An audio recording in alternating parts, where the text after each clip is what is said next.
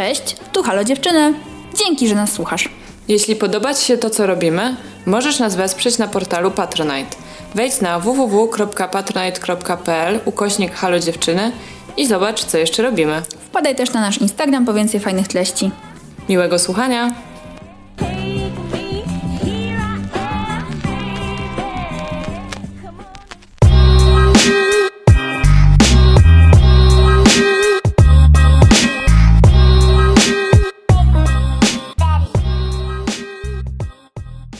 Cześć, ja jestem Zosia. Cześć, ja jestem Ula. To jest nasz podcast. Halo, dziewczyny.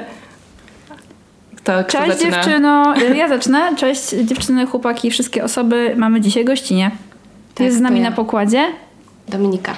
Cześć Dominika. Mazurek. Ta Dominika. Dominika. Tak, bardzo dziękuję za zaproszenie. Cieszę się, że mogę tutaj być. Bardzo Myślę- dziękujemy za przyjęcie zaproszenia.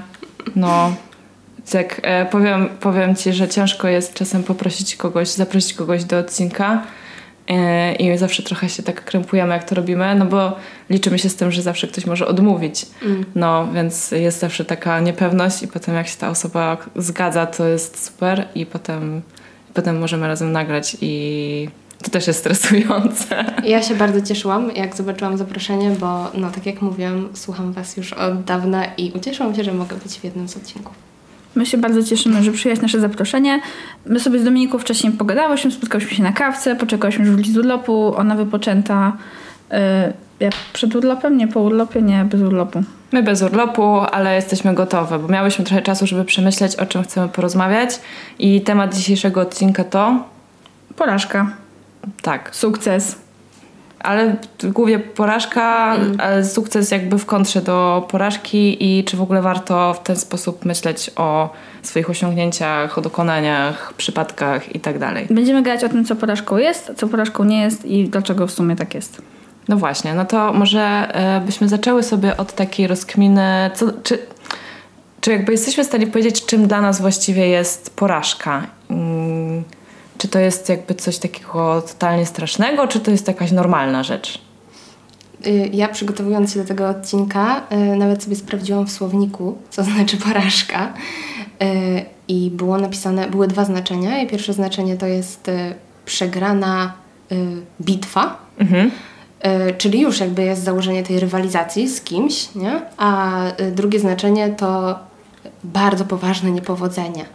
I jak sobie myślałam o moich porażkach, to tak y, nie nazwałabym teraz tego niepoważ, poważ, y, poważnymi niepowodzeniami, bo raczej to były jakieś tam takie osobiste, y, nie wiem, niewypały, nie wiem jak to powiedzieć, ale to brzmi super poważnie.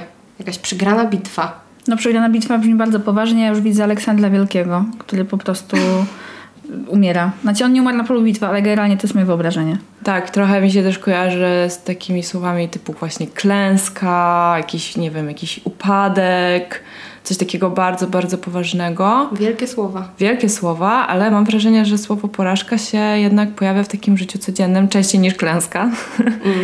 I Na szczęście Na, szczę- na, na szczęście. I właśnie pytanie, czy to, co my postrzegamy za porażkę, nie jest jednak troszeczkę na wyrost. To znaczy, czy nie jest tak, że troszeczkę może. No bo nie wiem. mm, Ja bym bardzo chciała, żeby porażka została znormalizowana, bo wydaje mi się, że yy, no, takie niepowodzenia mogą się nam na każdym polu życia, nawet nie mogą, one muszą się nam przydarzyć. Tylko mam wrażenie, że mm, przez to, że żyjemy może w takiej kulturze sukcesu, zwycięzców, liderów, to że ta porażka bardzo szybko ludzi podłamuje. Że mimo, że mm, prawdopodobnie jakoś tam może świat się nie wali w tym momencie, kiedy coś ci nie wyjdzie, to to to właśnie słowo porażka jest tak często używane, a jednocześnie właśnie takie ciężkie i od razu ci się wydaje, że po prostu, że zawiodłaś na przykład, tak, że zawiodłaś czyjeś, a przede wszystkim swoje oczekiwania.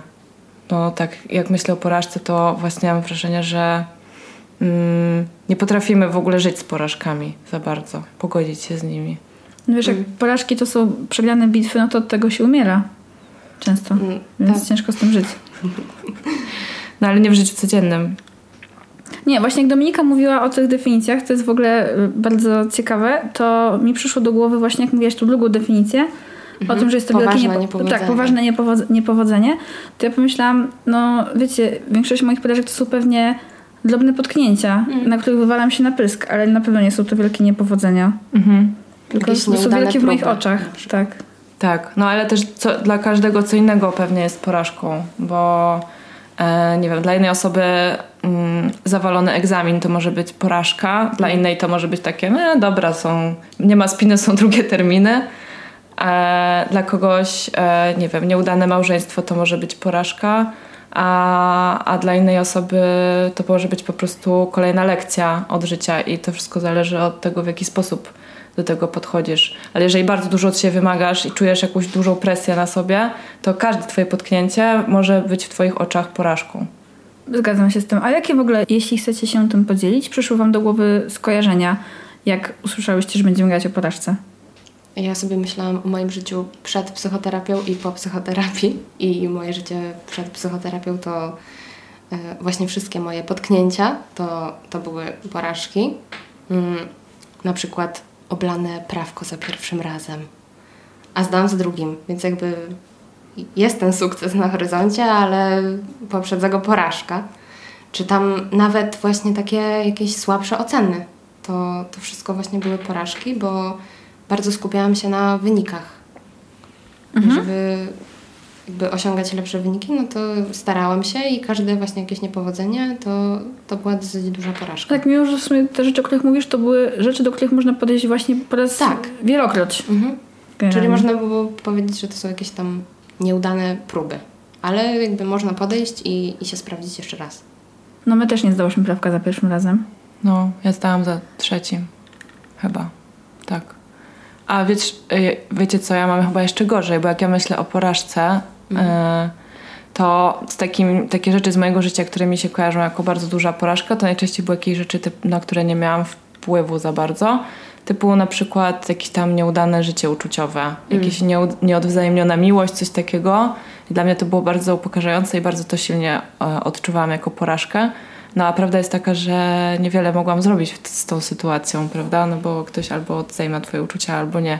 I to nie zależy od tego, jaką jesteś osobą, jak wyglądasz i tak dalej. To jakby działa albo nie działa. Więc e, pamiętam, że kiedy miałam jakąś taką serię, tak kilka lat takich, kiedy mi to kompletnie właśnie nie szło, to za każdym razem, kiedy się orientowałam, że to już na pewno nie uda, to właśnie z tym mi się kojarzy słowo porażka, z tym uczuciem wtedy, że po prostu znowu, znowu jakby ktoś nie dostrzegł we mnie tego, co ja chciałam, żeby dostrzegł. No, to tak. A drugie skojarzenie już bardziej lightowe to z tym, jak nie dostawałam pracy, którą bardzo chciałam. I to jest też takie poczucie, że szczególnie jak już dojdziesz gdzieś daleko w tej rekrutacji, więc z jednej strony no, cieszysz się, bo to oznaczało, że byłaś na jakiejś tam krótszej liście e, kandydatów już, na przykład, nie wiem, trzy osoby, dwie osoby były brane, brane pod uwagę już w tych następnych etapach, ale jednak to ty odpadłaś i no i myślisz sobie, kurczę, no, porażka, bo, tam, bo pozostali byli lepsi, albo pozostałe, no. A ty? Ja wam powiem, że mnie ogarnął taki, yy, no może nie obezwładniający, ale takie totalne właśnie poczucie zdenerwowania, jak zaczęłam o tym myśleć i przychodziło mi do głowy naraz wszystko i nic. Mhm. Się przychodziło mi do głowy takie, wiecie, tak jak życie wam miga przed oczami, niby jak tam się odchodzi, no to właśnie mi przyszło do głowy, dobra, tutaj yy, jakaś sytuacja ze szkoły, co tam, nie wiem, załóżmy, nie wygrałam jakiegoś konkursu, albo tutaj sytuacja, że yy, rzuciłam studia i to było po prostu najgorsze na świecie wtedy, No, oczywiście. Dwa No. razy. Same. Ym, Ale właśnie, że to nie było, nie, nie, nic mi się nie wyklarowało taki, wiecie, jakby spodziewałam się, że wy- wyklaruje mi się jakiś monumentalny moment z tego, z tego po prostu galimatiasu emocjonalnego, a wyklarowały się w sumie takie bzdety. Troszkę. Może nie bzdety, bzdety dzisiaj, nie? Ale jakby nic takiego, no nic porażającego. Myślałabym, że to będzie jakieś takie bardziej dramatyczne. Słuchaj, może twoje życie jest pasmem sukcesów po prostu. E, nie, myślę, że to może być mechanizm taki, wiesz, samozachowawczy, że ja staram się, wiesz, po prostu o tym nie myśleć, bo gdybym pewnie zaczęła to zgrzybywać, to bym, wiesz, może na coś wpadło, ale tak w sumie myślę, że jest całkiem okej, no. Mi się wydaje właśnie, że we wszystkich takich niepowodzeniach, czy już nazwijmy to porażkach, właśnie mm, no one muszą nam się przytrafić. Bez tego się y, nie da przeżyć swojego życia i właśnie fajnie jest chyba umieć je potraktować, oczywiście po jakimś czasie, no bo wiadomo, musimy się pozbierać, jeżeli coś, przeżyliśmy jakieś rozczarowanie, no to nie, od nikogo bym nie oczekiwała, że następnego dnia po prostu wstanie i już powie, dobra, to już jest przeszłość, teraz patrzę tylko przed siebie. To jest po prostu trzeba jakąś tam żałobę y, nosić po jakichś nieudanych y, rzeczach, ale myślę sobie, że fajnie byłoby z tego wyciągnąć jakąś, jakieś wnioski i właśnie już przestać to analizować i tego już nie rozpamiętywać. Tylko jakby, jakby to, pamiętać, że to się wydarzyło, ale już właśnie w tym tak nie grzebać mocno. To, to co mówisz, jest, brzmi bardzo pięknie, ale myślę, że jest na pewno trudne do osiągnięcia. Na pewno. Znaczy na początku. Tak, bo ja zaczęłam właśnie od tego, że y, jak, jak zapytałyście o porażkę, to że mam takie dwa etapy, że przed psychoterapią, po Tak. psychoterapii i teraz właśnie po psychoterapii. y, W ogóle nie wiem, co miałabym w tym okresie roku, teraz prawie, określić jako porażkę. A na pewno było sporo potknięć. I po prostu chyba już przestałam tak myśleć y, zero-jedynkowo, określać coś, co, coś sukcesem, a coś porażką. I rzeczy, które kiedyś byś uznała za porażkę, które się Tak. pewnie wydarzyły w ciągu tego roku, dzisiaj po prostu nawet nie przychodzi ci do głowy. Tak, ale to nie to, że olewam wszystko, tylko po prostu przyjmuję to i staram się to jakby racjonalnie sobie wytłumaczyć. Na przykład y, robiłyśmy ze znajomą live'a na Instagramie i aplikacja po prostu nie zadziałała, nie zapisała nam tego live'a. Kiedyś bym po prostu płakała tydzień po tym, bo się starałam, przygotowałam się, ona chyba też. Y, Zależało nam na tym, y, no i y, po prostu byłby no, czynnik zewnętrzny, nie miałyśmy kompletnie na to wpływu. Tak jak ty Zosiu powiedziałaś wcześniej, czyli to są właśnie rzeczy, często przypisujemy sobie winę za rzeczy, które są totalnie Tak. poza naszą kontrolą, bo to, że Instagram nie zadziałał, no to jakby No nic nie mogłyśmy na to poradzić. Nic kompletnie. Chyba właśnie często sobie tak myślimy, że jeszcze mogłam coś, jeszcze, nie wiem, jeszcze lepiej coś zrobić, jeszcze lepiej się przygotować, jeszcze inaczej podejść do tego i wtedy na pewno by się udało, więc to ja jestem beznadziejna. No i jakby nie, nie dziwię się w sumie, że jeżeli wywieramy na sobie taką presję, cieszę się, że już tego nie robisz, i że już ci się udało przejść przez ten etap, a jeżeli wywieramy na sobie taką presję, to nic dziwnego, że właśnie każde najmniejsze potknięcie jesteśmy w stanie nazwać porażką. No, ja w sumie też o tym pomyślałam, że mm, ja ostatnio rekrutowałam się do takiej pracy. Zobaczyłam ogłoszenie o pracy, którą uznałam, że chciałabym w sumie wykonywać. Ta rekrutacja była dość skomplikowana i wieloetapowa. I wydaje mi się, że właśnie takim sposobem, przed którym już mój własny mózg, yy, bo kiedyś pewnie nie, dost, nie dostałam tej pracy, spoiler alert, yy, ale kiedyś bym pewnie właśnie, że nie jestem przyzwyczajona do szukania pracy, to myślę, że rozpatrywałabym niedostanie pracy w kategoriach porażki. A to, że tam było kilkaset osób za stanowisko, nie, jakby to nie, nie jest ważne. Ja się nie dostałam i to znaczy, że wszystko jest B. Ale moim odruchem, kiedy zaczęłam tam aplikować, było to, że ustawiłam sobie jakby kategorią sukcesu nie było dostanie pracy, tylko było przejście pierwszego etapu. I to uznałam, że to jest jak przejdę ten pierwszy etap, to generalnie czy dostanę tę pracę, czy nie, no wiadomo, byłoby miło, ale to już nie będzie jakby takie ciężkie. Jakby ten ciężar gatunkowy sobie przesunęłam w ogóle na coś innego. E, No nie dostałam tej pracy, więc było dużo lepszych, dużo więcej lepszych kandydatek, ale ja nie miałam takiego poczucia pustki po tym, albo takiego poczucia przegrania, bycia przegrywem, bo po prostu ym, skategoryzowałam sobie sukces y, no, bardzo malutki. No i to jest Sukcesik. mądre. Tak, mądry, mały sukcesik. No, żeby... Bo wiecie co, bo, bo w ogóle jest tak trochę, że mm, bardzo dużo się mówi o y, sukcesach, spektakularnych sukcesach i spektakularnych porażkach. A tak jakby życie nie składało się z tego wszystkiego, co jest pomiędzy. Z tej drogi. Z tej drogi, tak. I ze zwykłych zdarzeń, które mogą nie leżeć w żadnej z tych kategorii. Po prostu zdarzeń z naszego życia. No i jak się przygotowywałam, to sobie pomyślałam, że e, bardzo dużo właśnie się mm, mówi o różnych ludziach, którzy odnieśli jakiś taki sukces, taki, ale to musi być taki gigantyczny sukces, taki na skalę światową.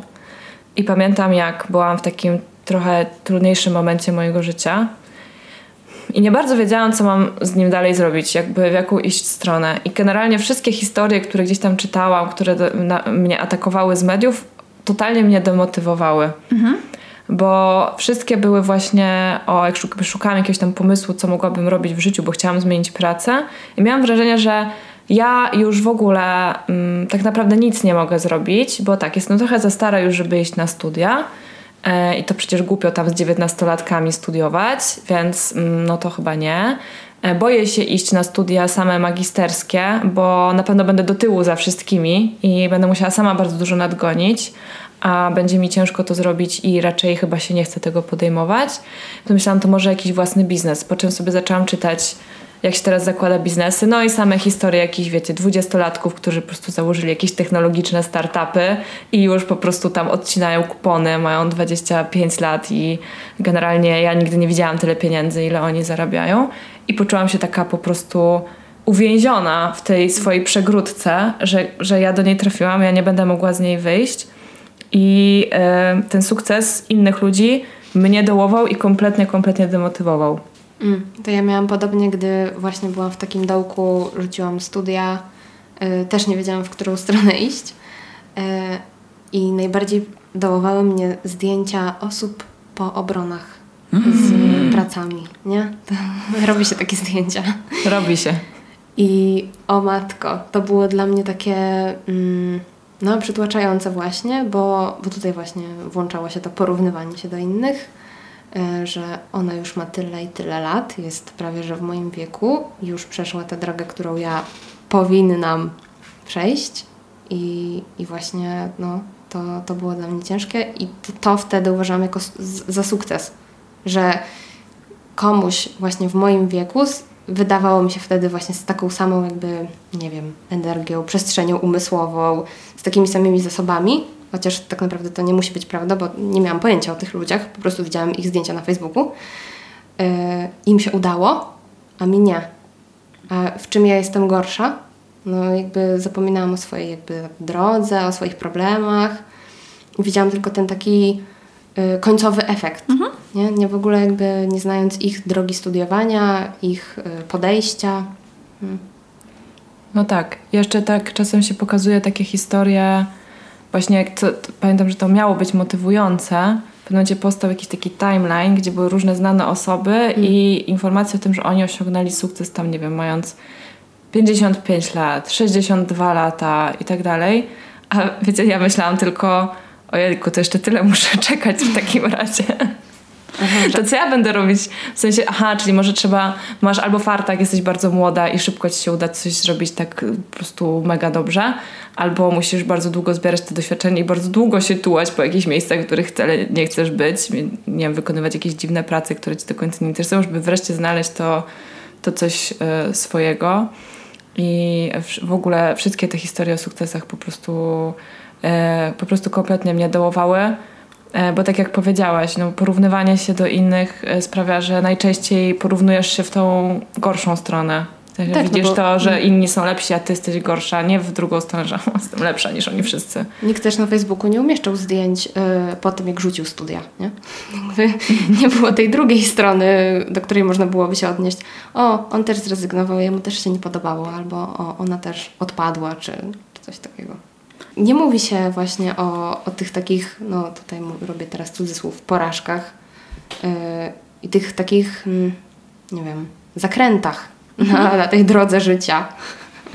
No, akurat w takim temacie bardzo była dla mnie y, fajna działalność y, Weroniki Zimnej, bo ona mówi dużo o tym właśnie, że nie zrobiła takiego standardowego kursu życia, czyli mhm. matura, studia i później pierwsza praca, tylko zaczęła robić to w kompletnie inną stronę i to jest super. Ja myślę, gdybym ja słyszała taką historię, gdy byłabym nastolatką, to Y, to byłoby budujące dla mnie. Nawet dzisiaj, jak już jestem dawno po byciu nastolatką, to jest dla mnie budujące, że można bliżyć w różny, różny inny sposób. Ale mówimy tu o porażkach, a tak naprawdę wydaje mi się, że wszystkie te rzeczy, które, o których my mówimy, albo które my postrzegamy jako nasze przeszłe porażki, nie wiem, ile one wynikały w ogóle z naszych wartości, czy z naszych w ogóle oczekiwań, a ile z oczekiwań z zewnętrznych osób. No bo mhm. na przykład dla mnie studia, w moim wypadku, to było oczekiwanie innych osób wobec mojego życia, czy Y, jak powinno wyglądać moje życie i że jakby studia to jest element, który jest konieczny do tego, żeby moje życie było pełne dalszych sukcesów, a przynajmniej coraz mniejszej ilości porażek. Y, I to nie było moje marzenie. W sensie na pewno nie w takiej formie, jak to wyglądało, kiedy ja studiowałam. I nie wiem, mi się wydaje, że mi dużo dało właśnie zrozumienie tego też właśnie na psychoterapii, mhm. że y, to nie jest do końca moja porażka. Bo ja się tak nie wychowałam. Wiecie o co chodzi? Mhm. Że to jest takie, no Może ja trochę zrzuciłam ten ciężar odpowiedzialności porażki, a na przykład w tym wypadku moją rodzinę. Mhm. Bo y, no to nie po prostu nie, nie, ja nie rezonowałam z tym pragnieniem tak bardzo. Mhm. No ja mogę się do tego też jakby też czuję, że tak było ze mną i e, chociaż mam wrażenie, że u mnie w domu ten nacisk y, może nie był jakiś taki silny, ale ja raczej czułam takie, taką presję ogólną i rówieśników, i szkoły, i tego, że mm, właściwie to było takie oczywiste, że to było z góry założone, że my wszyscy trochę na takiej taśmie produkcyjnej wyjdziemy z tej szkoły, wiecie, będziemy jechali na tej taśmie i takie po kolei jak te na, na kreskówkach, nie wiem, spadają jakieś tam puszki z zupą do kolejnego, kolej, nie wiem, do, na kolejną taśmę produkcyjną, to możemy tak z tego liceum spadniemy prosto na te studia i potem z tych studiów tak prosto spadniemy do tej pracy. I, yy, no i jeszcze gdzieś tam po drodze zahaczymy o założenie rodziny i że to wszystko będzie takie na maksa ustrukturyzowane. Będzie wyglądało tak jak, nie wiem, z filmu czy z podręcznika. Yy, I i generalnie bardzo, w pewnym momencie zaczęłam się zastanawiać rzeczywiście, co jest ze mną nie tak, że to nie idzie w tę stronę, że to nie idzie po tej taśmie produkcyjnej taką prostą drogą, tylko że właśnie jakoś strasznie naokoło.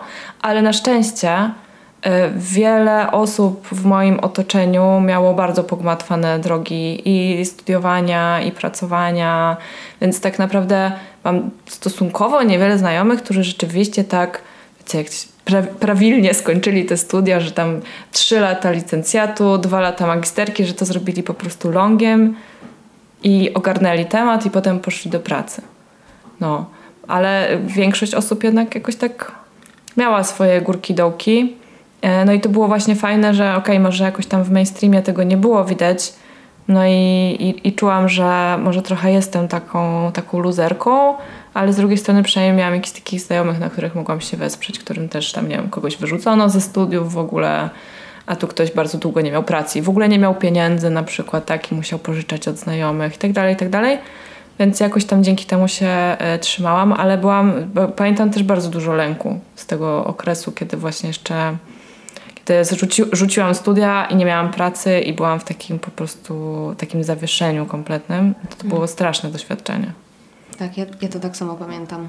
Y, ja przede wszystkim pamiętam taką samotność, bo właśnie miałam takie przeświadczenie, że wszystkim innym się udało i wszyscy inni studiują, tak jak powiedziałaś, nie? Czyli y, trzy lata, dwa lata, koniec, praca, potem rodzina. Y, ja bym jeszcze do tego obrazka dodała takie oczekiwanie pójścia na studia jakieś prestiżowe, najlepiej niehumanistyczne, bo, bo tylko po takich jest praca. Mhm i, i ta, po takich jest prestiż i po, po takich są pieniądze, a to jest najważniejsze. Znaczy, tak mi wymawiano, szczególnie w szkole właśnie, był bardzo duży taki, yy, nie wiem, taka, dużo było takiej pogardy właśnie dla, dla osób z, z klas humanistycznych, mhm. bo, bo tam po prostu szły osoby, które jeszcze nie wiedziały, co chcą robić, a niby do tych klas takich ścisłych szły osoby już takie niby skupione na, na, swojej takiej ścieżce już zaplanowanej. Potem okazywało się oczywiście, że no, to jest kompletna bzdura, ale no tak, to właśnie pamiętam. Ale właśnie jak rzuciłam studia raz i drugi, to, to czułam się bardzo taka samotna. Pomyślałam, że, że tylko mi się nie udało. Bo, bo nikt po prostu... Nie tym... przechodził przez to, co ty, albo nie mówił ci, że przechodzi przez... Tak, nikt o tym nie mówił. Dopiero niedawno y, dowiedziałam się o kilku znajomych mi osobach, które, które też się czy to borykały właśnie z problemami psychicznymi, z zdrowiem psychicznym w trakcie studiów, czy właśnie rzucały studia.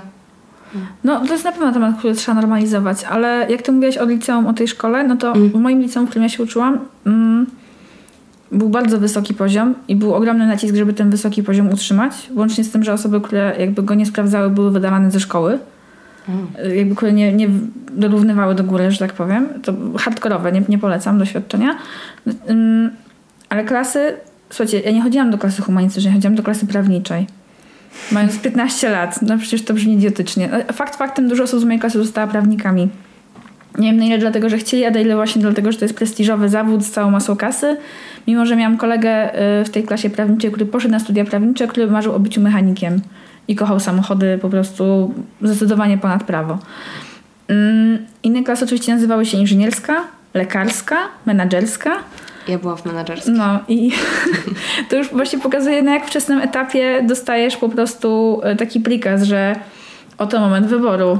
Niebieska pigułka, czerwona pigułka, klasa lekarska, klasa prawnicza. Mm. Który prestiżowy zawód chcesz wybrać, ucz się pilnie i wtedy tobie, tobie się to uda. I nawet nie masz czasu zastanowić się nad tym, czy w sumie o co ci chodzi.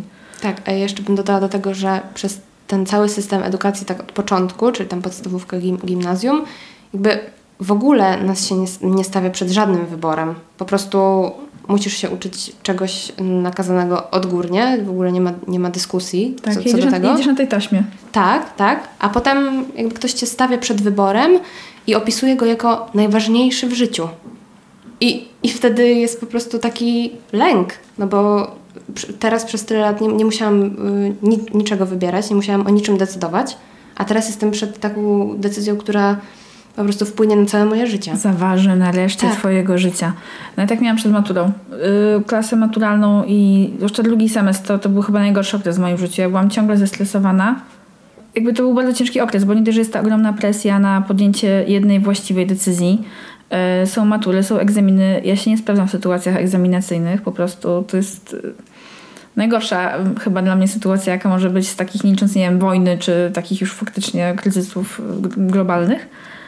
Mm, do tego stopnia, że po prostu ja wtedy wpadłam w ogromne problemy, takie właśnie ze własnym zdrowiem psychicznym i nikt nie był w stanie nawet mi pomóc, bo nawet nikt nie był w stanie zobaczyć tego, że coś jest nie tak. Dopiero kiedy ja po prostu pękłam, już nie było co zbierać, to faktycznie wtedy była taka reakcja, że aha, czyli może ta presja była za duża mhm. e, całego tego otoczenia. E, ale to dalej nic nie zmieniło, bo ja właśnie nie miałam czasu ani żadnej przestrzeni, żadnych właśnie nie miałam innych historii ludzi, którzy wybrali inaczej. E, ja po prostu, słuchajcie, szłam z tym na pierwsze studia które nie były jakby do końca moim wyborem.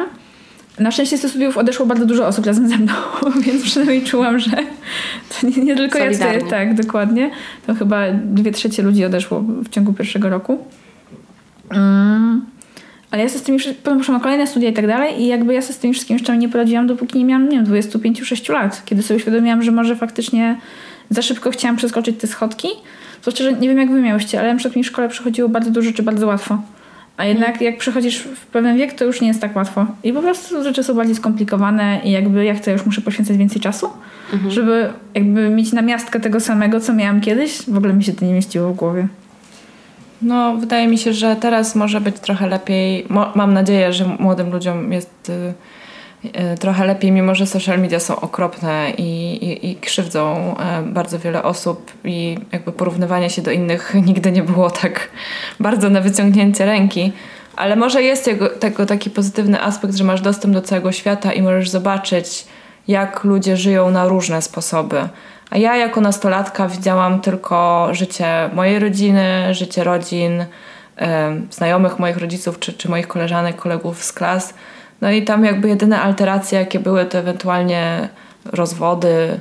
przeprowadzki, ale nie było za dużo jakichś takich, e, wiecie, alternatywnych e, pomysłów na życie.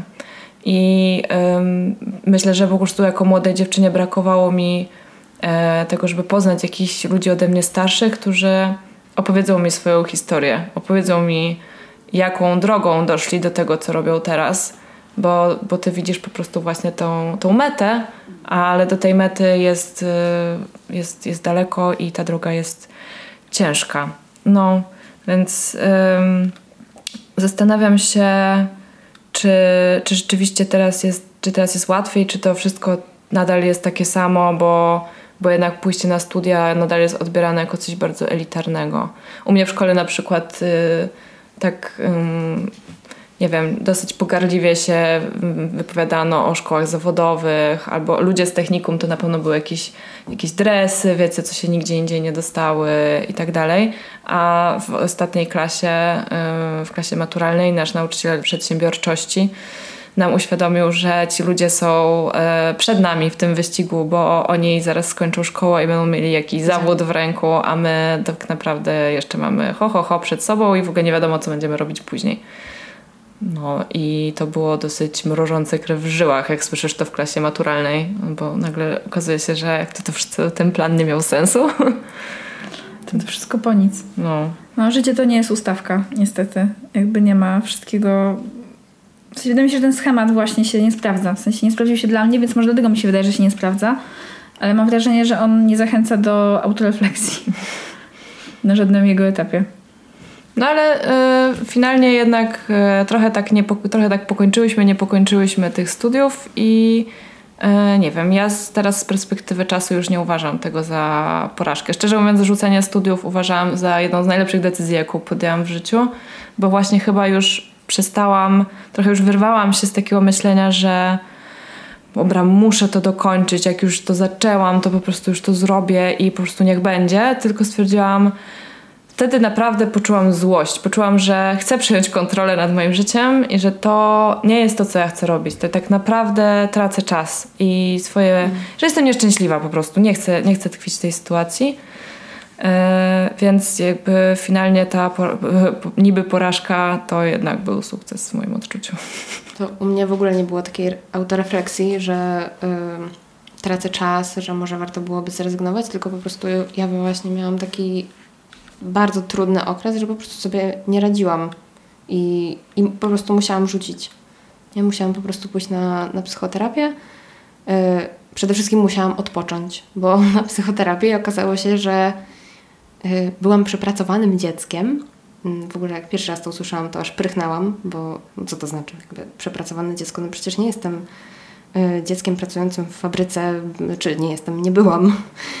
Y, miałam fajne dzieciństwo, beztroskie dosyć, a potem się okazało, że byłam przepracowana, bo po prostu bardzo dużo się uczyłam. Miałam taką, sama na siebie nakładałam dużą presję tych dobrych ocen i takich wyników ponadprzeciętną, mm, że właśnie potem jak poszłam na studia, to, to też mi wszystko dosyć łatwo przychodziło wcześniej. Jak gdy poszłam właśnie na studia, to po prostu już mi się nie chciało. Mhm. To już był moment taki kurczę, już tyle zrobiłam, mam takie super wyniki, czy, czy jakby i, i, tak te wakacje po, po, po maturze to były najlepsze wakacje w życiu, bo nic nie musiałam robić, odpoczywałam.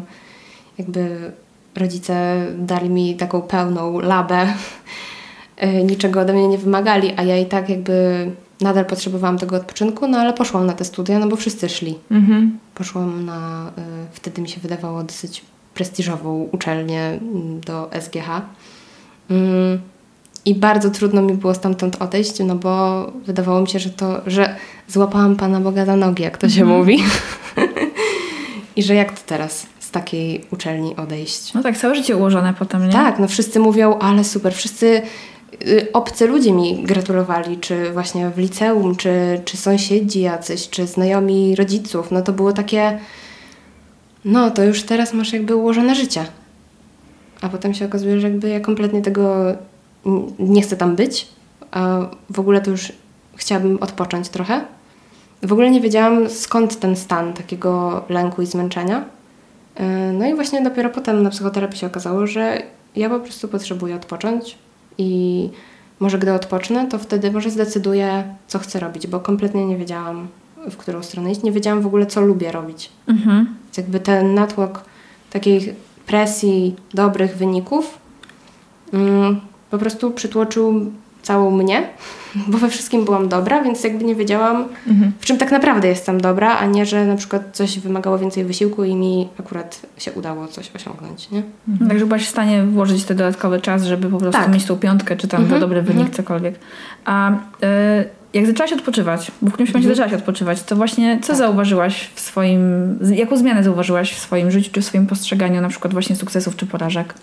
Mm, z jednej strony to był bardzo przyjemny okres tego odpoczywania, no bo, no bo już nie musiałam nic robić, ale z drugiej strony nadal miałam takie poczucie, że w końcu muszę coś wybrać. I to, yy, bo mój odpoczynek zaczął się wcześniej niż psychoterapia. Mhm. Yy, pół roku odpoczywałam, dopiero potem poszłam na psychoterapię. I to drugie pół roku to właśnie rzeczywiście była taka zmiana myślenia i zmiana postrzegania tych y, sukcesów, porażek. Wcześniej mi się wydawało, że no odpocznę sobie kilka miesięcy, ale jakby no dłużej nie. Dłu nie, nie, no bo jakby taka długa przerwa w życiu. no jest... nie ma czasu. Tak, no właśnie, nie ma czasu, nie ma czasu na ten odpoczynek. Więc to też nie było takie mm, nielimitowane. Mhm. y, tylko raczej właśnie z takim. Mm, nie wiem, z jakąś pracą na horyzoncie, czy, mhm. czy właśnie jakimiś kolejnymi studiami, no coś trzeba było wybrać i tak właśnie nakładałam presję na odpoczynek. Nie? Że nie był taki po prostu odpoczynek i odpu- odpuszczenie i teraz jakby odnajdę swoją ścieżkę, odnajdę siebie, odgrzebię się z tych oczekiwań, tylko nadal y, wiedziałam, że to nie jest y, no to nie jest taka droga na długo. Mentalnie na deadline po Mm. prostu. Tak, tak. No, tak.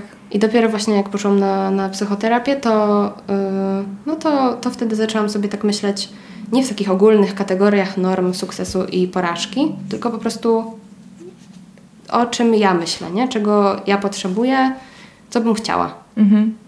Jakby odcięta trochę byłam wtedy od świata i od takich oczekiwań. Przynajmniej tak się starałam żyć. Tak, a się połączyć ze sobą. Tak, tak. Ja żałuję, że trafiłam na psychoterapię tak późno, a i tak dobrze tak wcześnie, ale Mm. mimo wszystko myślę, że gdybym miała właśnie 18, 19, 20 lat, to mm, no po prostu jest łatwiej. Im wcześniej, tym wydaje mi się byłoby łatwiej w tym przypadku. Ja też miałam taki moment w swoim życiu, że e, właśnie zrezygnowałam ze studiów, mało pracowałam i chciałam skupić się na dostaniu się na wymarzone, wydawało mi się, studia.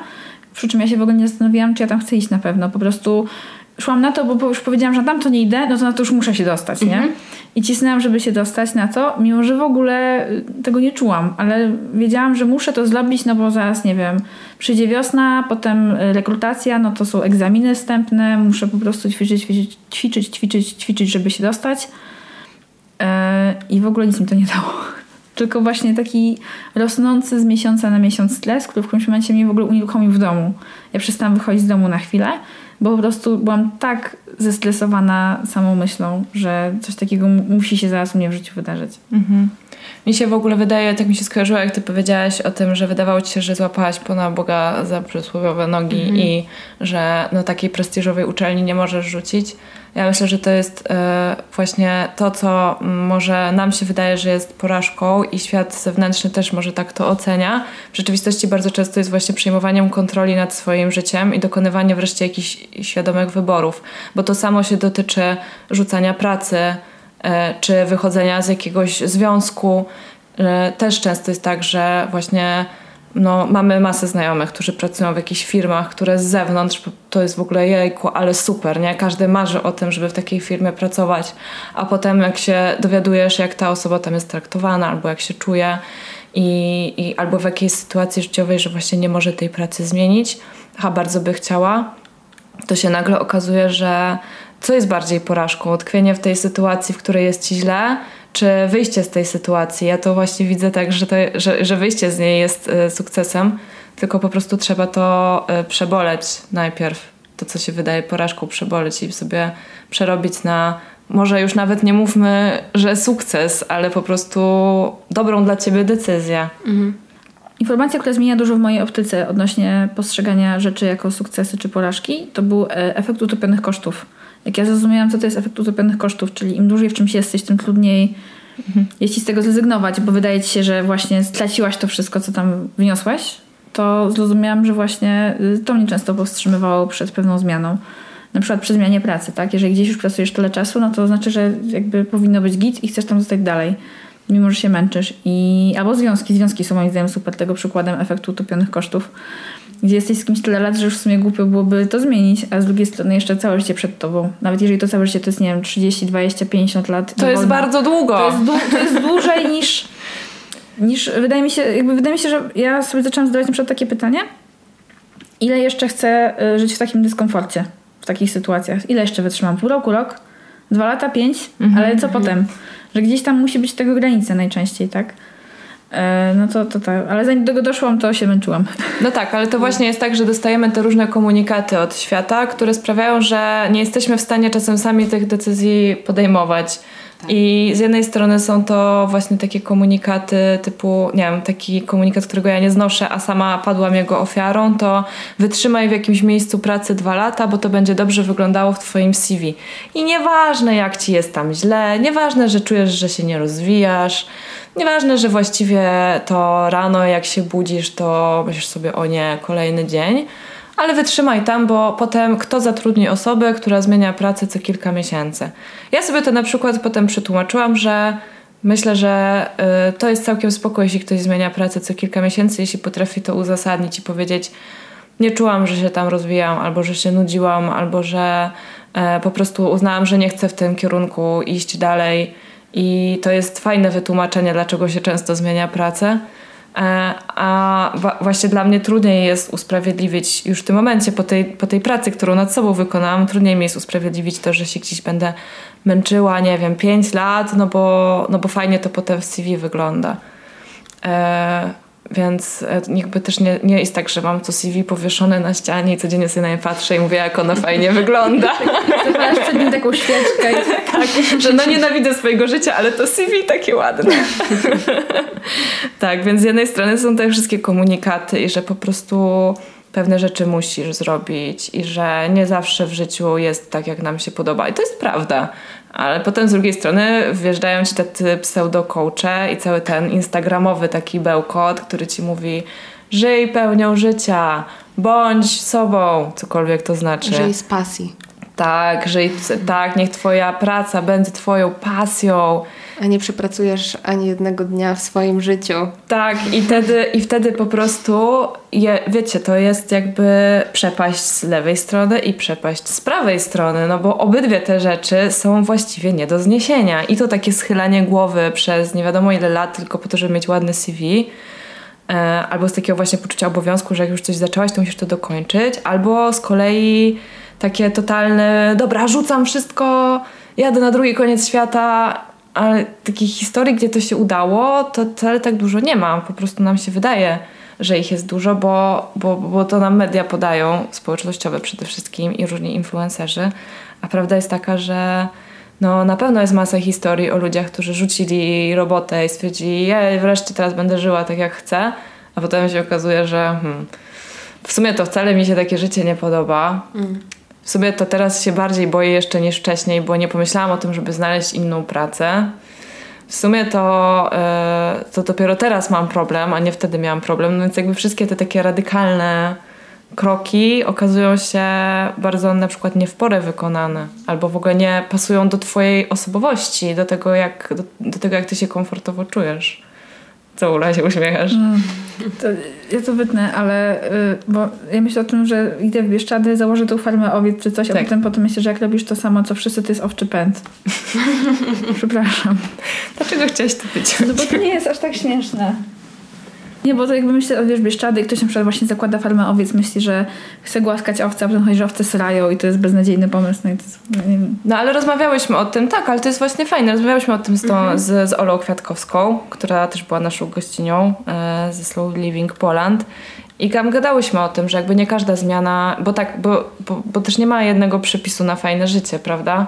Nie ma dwóch takich samych historii i może to trąci takim banałem, ale mam wrażenie, że wiele ludzi, szczególnie bardzo młodych, nadal tego nie ogarnia, że, że znaczy... serio nie musisz iść według jakiegoś schematu, żeby mieć fajne życie, z którego ty będziesz zadowolona. Nie mówię o jakichś takich po prostu mega sukcesach. Jeżeli ktoś taki, takiego, taki sukces chce osiągnąć, no to rzeczywiście musi na to ciężko e, pracować, ale jeżeli chcesz po prostu żyć tak, tak spoko i mieć swoje małe sukcesy, takie fajne, typu nie wiem, typu, nie wiem, wreszcie ci szarlotka wyszła, no cokolwiek miłego, co ci się w życiu przytrafia, to nie, nie musi być wszystko na takim wysokim C cały czas. Znaczy te, dla mnie te dwa komunikaty, te właśnie mhm. to uchylanie głowy i tam y, zrób przynajmniej te dwa lata, albo czemu już nie dokończysz tych studiów, jak już jesteś po roku, no to czemu rzucasz, tak? Tylko cztery lata. No właśnie, tak? A z drugiej strony to życie swoją pasją i rozwijaj się i nie trać czasu na coś, co, co Ci się nie podoba, no to jakby nadal to są jakieś zewnętrzne komunikaty i ja raczej obstaję po tej wersji pośrodku, czyli jakby sprawdzanie wszystkiego ze sobą. To jest bardzo trudne, no bo czasami właśnie mm, no to jest życie jakby wbrew jakimś oczekiwaniom i normom. No i to się czasami spotyka z taką y, krytyką bliskich osób wręcz, nie?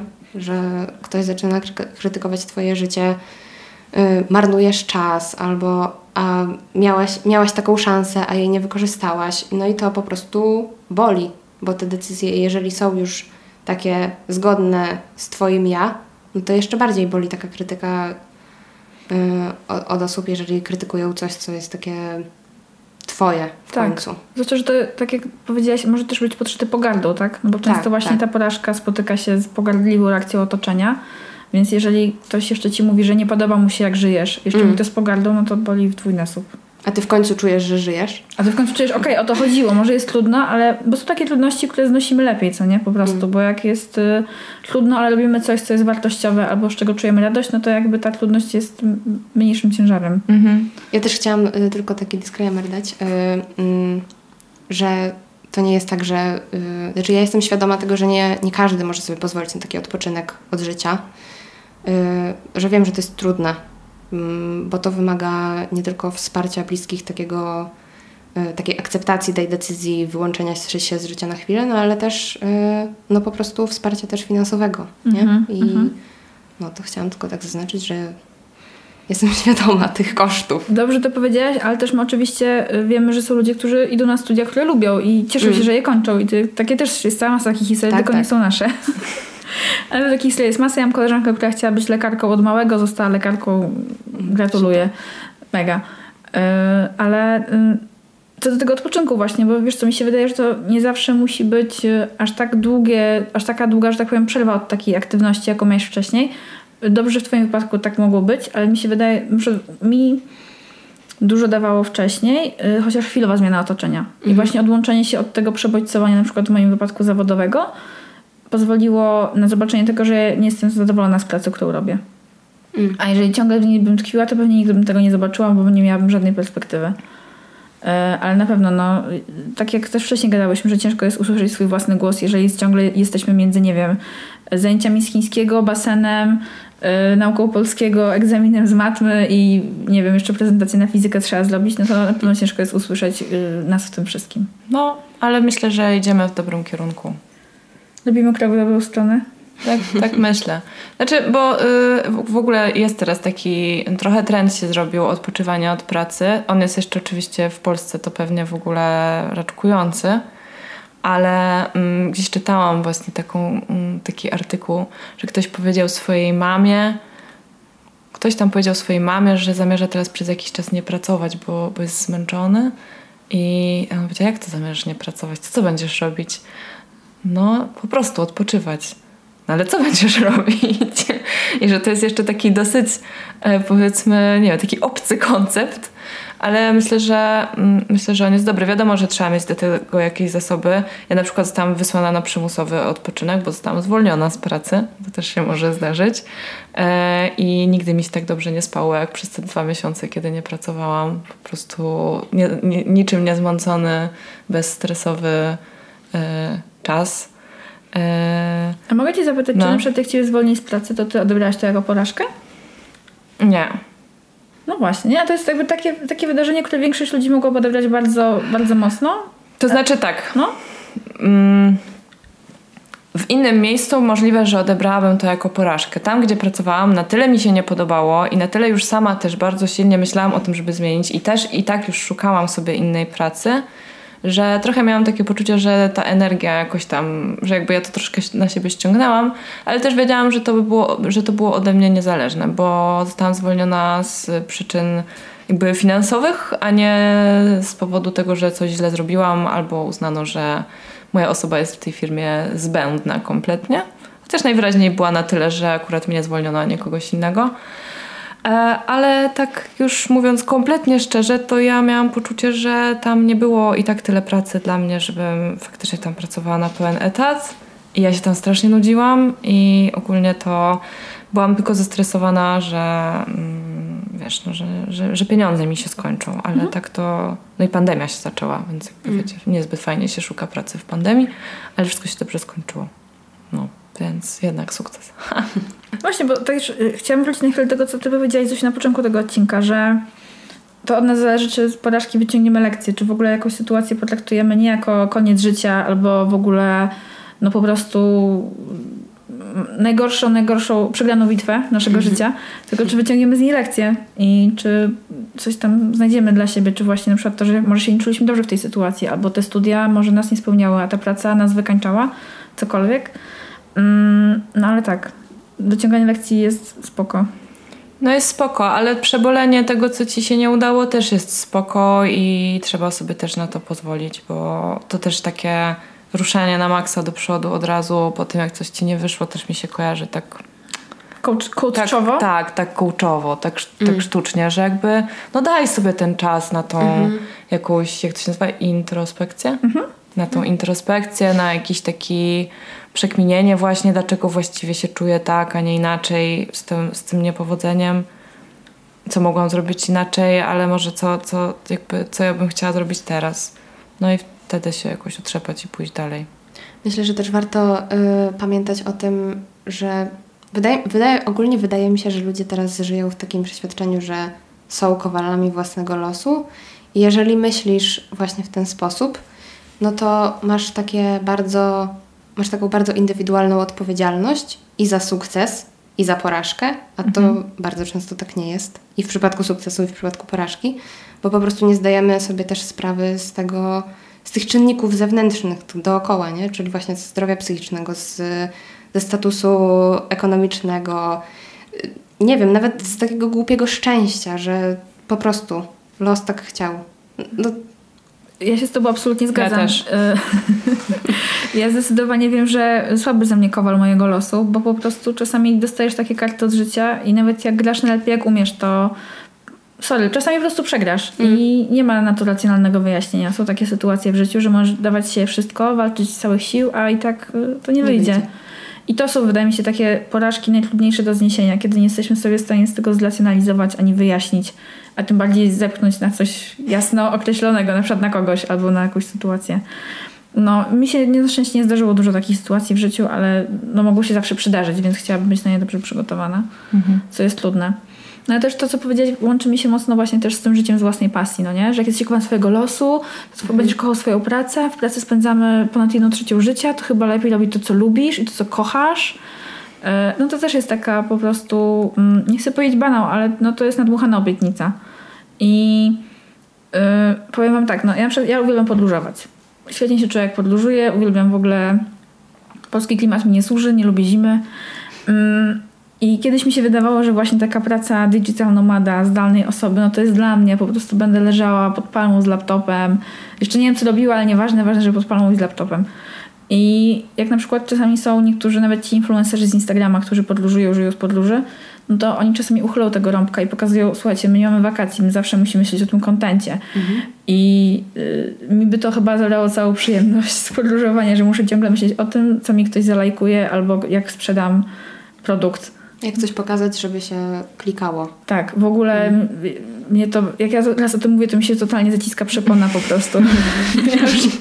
ja już, już, już, już tutaj czuję ciasnotę, bo to jest straszne, no i w ogóle w ogóle nie, właśnie dlatego też no, trawa nie jest często zieleńsza po tej drugiej stronie tego y, pasjowego, pracowego, kowalowego płotu. No i właśnie, jest jeszcze ta iluzja tych naszych zasobów tak naprawdę. I tych historii sukcesów i porażek i tego, że my właśnie nie widzimy całego obrazka. Widzimy tylko pięć puzli, a układanka ma 300 elementów na tak. przykład. Bo właśnie porównując się, porównujemy się nie znając kompletnie historii tych osób, z którymi się porównujemy, ich właśnie zasobów. Yy, nie startujemy z tych samych yy, pozycji, jak to się może wydawać. Y, I wydaje mi się, mm, że właśnie porównujemy się już do efektu, mhm. a, a nie widzimy tej drogi i tych kosztów tego nawet sukcesu. Mhm. Czyli tam, nie wiem, popsutych relacji albo wielogodzinnej pracy. Tak, nieprzespanych nocy. Mm, stresu. No tak, widzimy właśnie te błyszczące fragmenty. Takie, wiecie, wypolerowane kawałki pomnika. Yy, no i przede wszystkim właśnie nie widzimy tego też, wydaje mi się, często hajsu, który za tym wszystkim stoi. Tak. Za wieloma takimi sukcesami, do których wydaje mi się, że możemy się jako jednostki porównywać, typu wiecie, Mark Zuckerberg, no okej, okay, no może nie skończył studiów, ale ma, no się nie chcę być Markiem Zuckerbergiem, nie lubię typa, ale no że wiecie, no ma bilion, biliardowe imperium po prostu, tak? No ale okej, okay, był na Harvardzie, no to na Harvard też biedni nie trafiają, nie? E, Jeff Bezos e, ma Amazona, jest najbogatszym typem na świecie, a nie mógł, nikt nie mówi, że jego ojciec pożyczył mu 300 tysięcy na rozkręcenie filmy. No mi stary nie pożyczył 300 tysięcy na rozkręcenie filmy. No i zarabia też nie, nieetycznie. No to już, tak, to już w ogóle jest w ogóle eat the rich, ale... Yy, Nie ale widzimy przywileju. Tak, ale nawet takie historie, że okej, to oni to zrobili u swojego ojca w garażu. No ja nie mam ojca z garażem, to nawet... Słuchajcie, Nawet No tego właśnie. nie mam. nawet tego To już nie jest mam. zasób. No dokładnie, nawet ten garaż po prostu jest zasobem, którego wiele z nas może nie mieć i przede wszystkim czas. To nie? Czy ten czas na odpoczynek, czy ten czas No na właśnie. pracę własną. Czy ty miałeś czas tam z kolegami grzebać w komputerach y, po szkole całymi dniami? y, Czy akurat musiałaś iść pracować na dwie zmiany na barze, bo, bo musiałaś, no, potrzebowałaś pieniędzy na życie? No właśnie, no, więc, więc dlatego to porównywanie się jest kompletnie bez sensu, ale niestety to jest coś, co robimy absolutnie automatycznie i tego jest bardzo ciężko się oduczyć, więc ja też nie chcę nikogo oceniać za porównywanie się, bo ja się i tak cały czas porównuję. Ja też i social media wcale nie pomagają, No. żeby się tego oduczyć. Ja się porównuję cały czas, całe życie, ale już chyba nie w kategoriach sukcesów i porażek. Bardziej tego, że ja często czuję, że wiecie, brakuje mi wiele rzeczy, że nie jestem tak dobrą osobą, ani tak ładną osobą. No, wstaw dowolne. Ale raczej to już nie jest ten pryzmat na przykład porażek edukacyjnych czy zawodowych, a jednak przywar osobistych.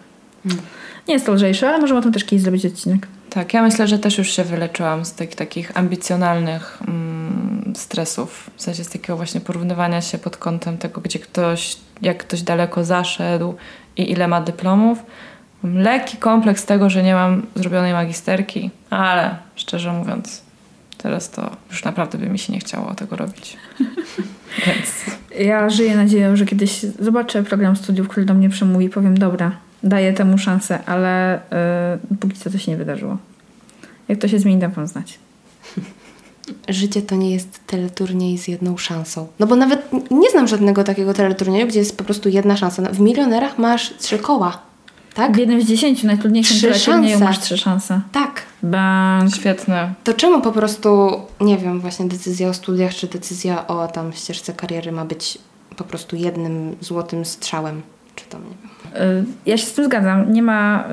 y, Znaczy, noga nam się najczęściej może powinien w dowolnej sytuacji i rzadko tak naprawdę w życiu to jest tylko nasza percepcja, że to jest nasza jedyna szansa na osiągnięcie tego. To jest w naszej głowie.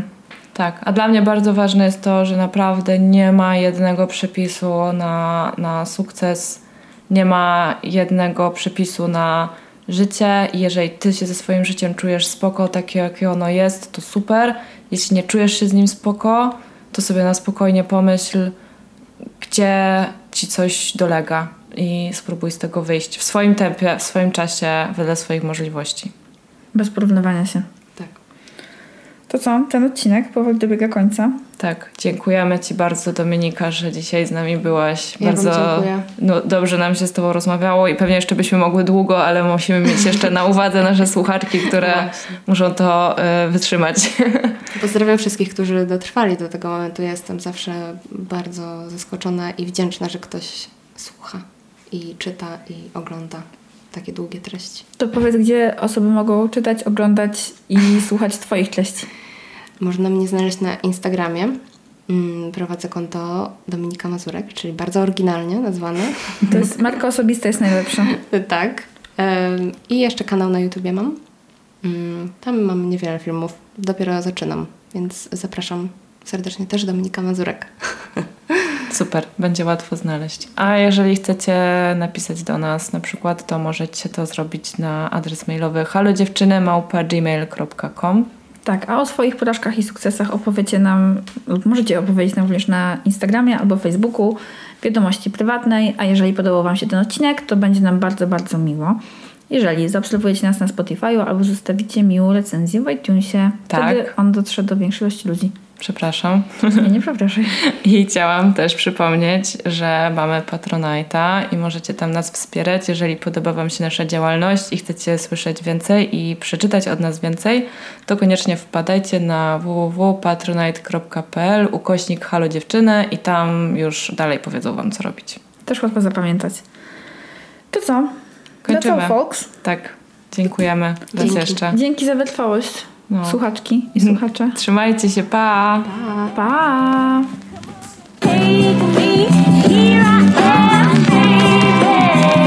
Come on.